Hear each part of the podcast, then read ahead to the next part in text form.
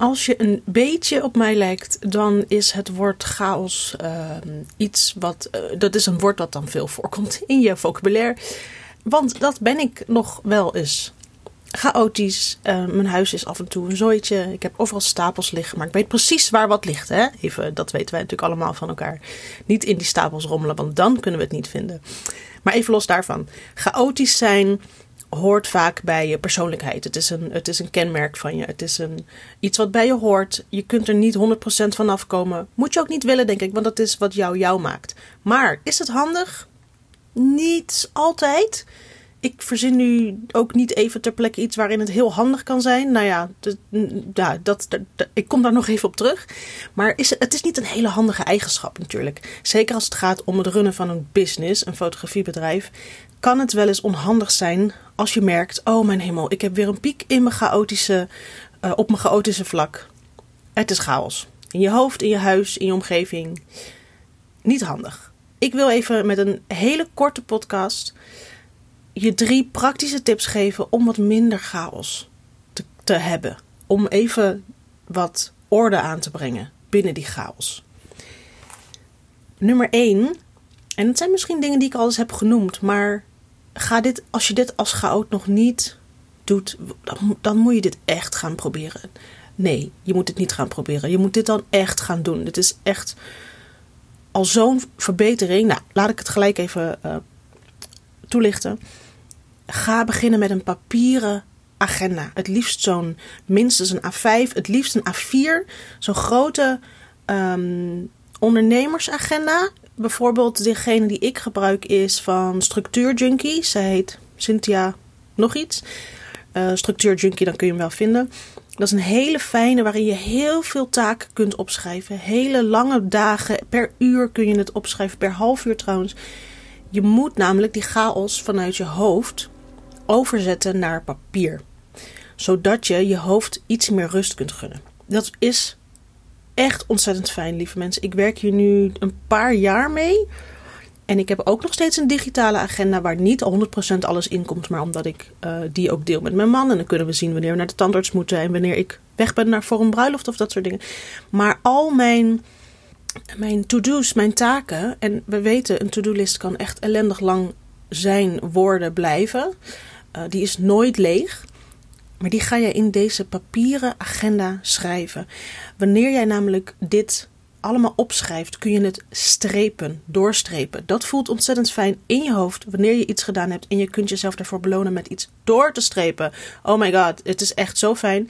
Ik schrijf namelijk zelf alle taken op die ik moet doen. Een, uh, dat, dat, dat, dat mag in mijn, in mijn ogen zo klein als mogelijk hoe meer je dus kunt strepen, hoe meer je ook helder hebt wat er moet gebeuren. Als jij bijvoorbeeld opschrijft dinsdag, werken aan website. Dat is dan gelijk even niet zo'n hele fijne uh, uh, manier om dat aan te pakken. Je moet, gelijk een extra tipje, begin dan met wat moet je dan van die website gaan doen? Moet je je portfolio gaan updaten? Op welke pagina's? Moet je, moet je dit doen? Moet je dat doen? Wat moet je dan doen binnen die website? Ga die taken opschrijven. Wat namelijk ook het grote voordeel is van het gebruiken van zo'n agenda, is dat jij wanneer jij bijvoorbeeld dus zegt, nou op dinsdagochtend doe ik even die website en dan ga ik in de middag dat, dat, dat, dat, dat. Als jij dat dus niet zo concreet maakt, tot inderdaad uh, die pagina moet daar gebeuren, dat moet daar gebeuren, die foto's moeten veranderen, dan ga je dus um, waarschijnlijk al direct merken, oké, ik heb hier te weinig tijd voor. Dus je loopt weer uit. En als je dat dus zo specifiek gaat opschrijven, dan kom je er direct achter dat je denkt: oké, maar deze vier pagina's aanpassen, dat uh, gaat dus niet passen op alleen die dinsdagochtend. Daar moet ik dus de hele dinsdag voor pakken. En zo ben je gelijk ook een stuk. Um, uiteindelijk veel efficiënter bezig, omdat je niet telkens iets hoeft op te schuiven. Je weet, je hebt veel meer inzicht. En inzicht geeft rust en dit zeg ik op een hele relaxte manier. Maar dit is zo wat je mist als chaot. Die, dat, dat inzicht dat jouw agenda dan gaat krijgen als je die gaat gebruiken. Goed, ik, kan een, ik heb, ik, ik wou zeggen, ik kan hier een hele podcastaflevering over, af, over opnemen. En dat heb ik alles gedaan. over hoe je die papieren agenda nog verder kunt gebruiken. En wat voor voordelen die nog meer heeft. Blader even terug in de index als je die eruit wil vissen. Maar ik ga even door naar punt 2. Als jij een chaot bent, ga even na hoeveel, aan hoeveel projecten jij werkt. Ik ga jou vertellen, dat is er vast niet één. Dat zijn er misschien, nou, ik weet zeker, dat zijn er ook geen twee. Dat zijn er misschien wel vijf. En als ik één ding heb geleerd de afgelopen jaren, uh, als chaot zijnde, dan is dat dat je moet focussen. En ik moet eerlijk zeggen, ik vind dat allermoeilijkste wat ik ooit heb gedaan. Focussen.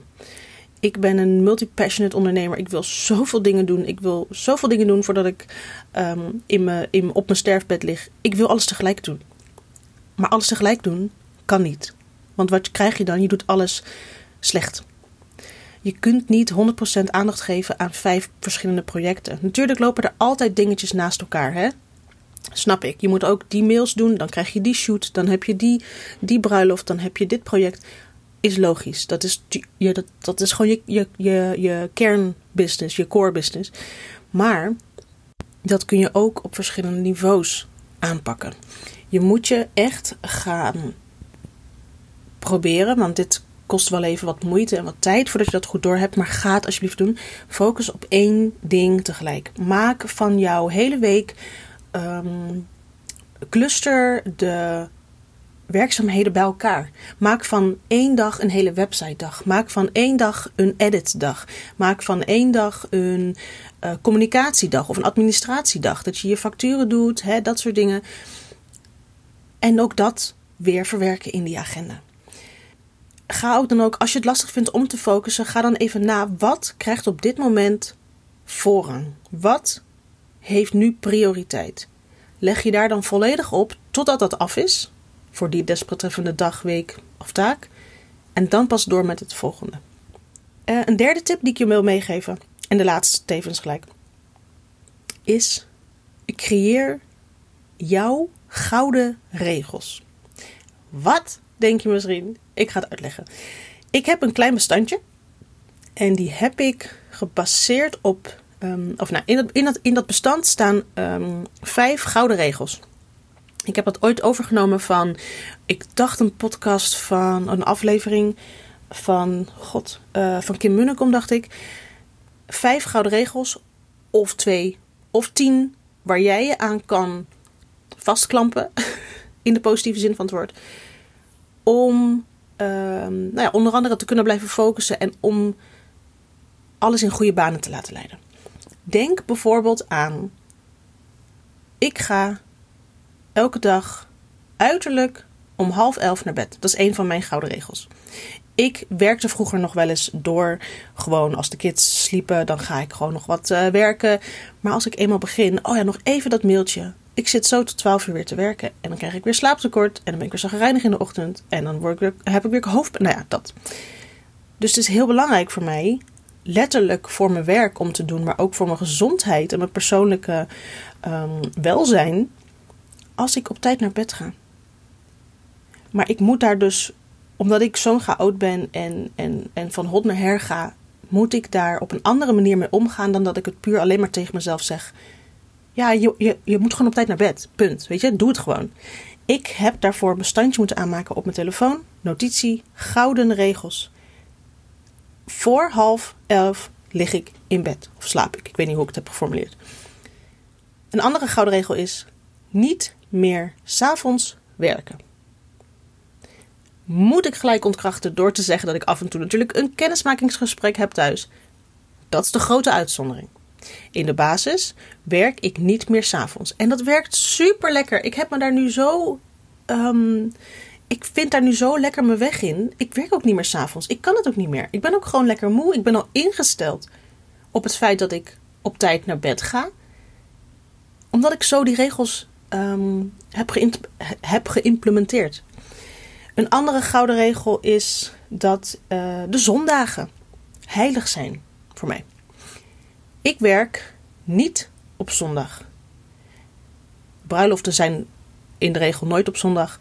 Um, maar fotoshoots willen nog wel eens zeggen: ja, wij kunnen wel op zondag en dit en dat en dat. Ik heb zondag familiedingen.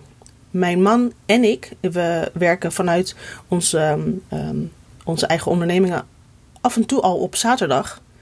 Dus die zijn we al kwijt. Ik laat me die zondag niet meer aanpakken, af, af, afpakken.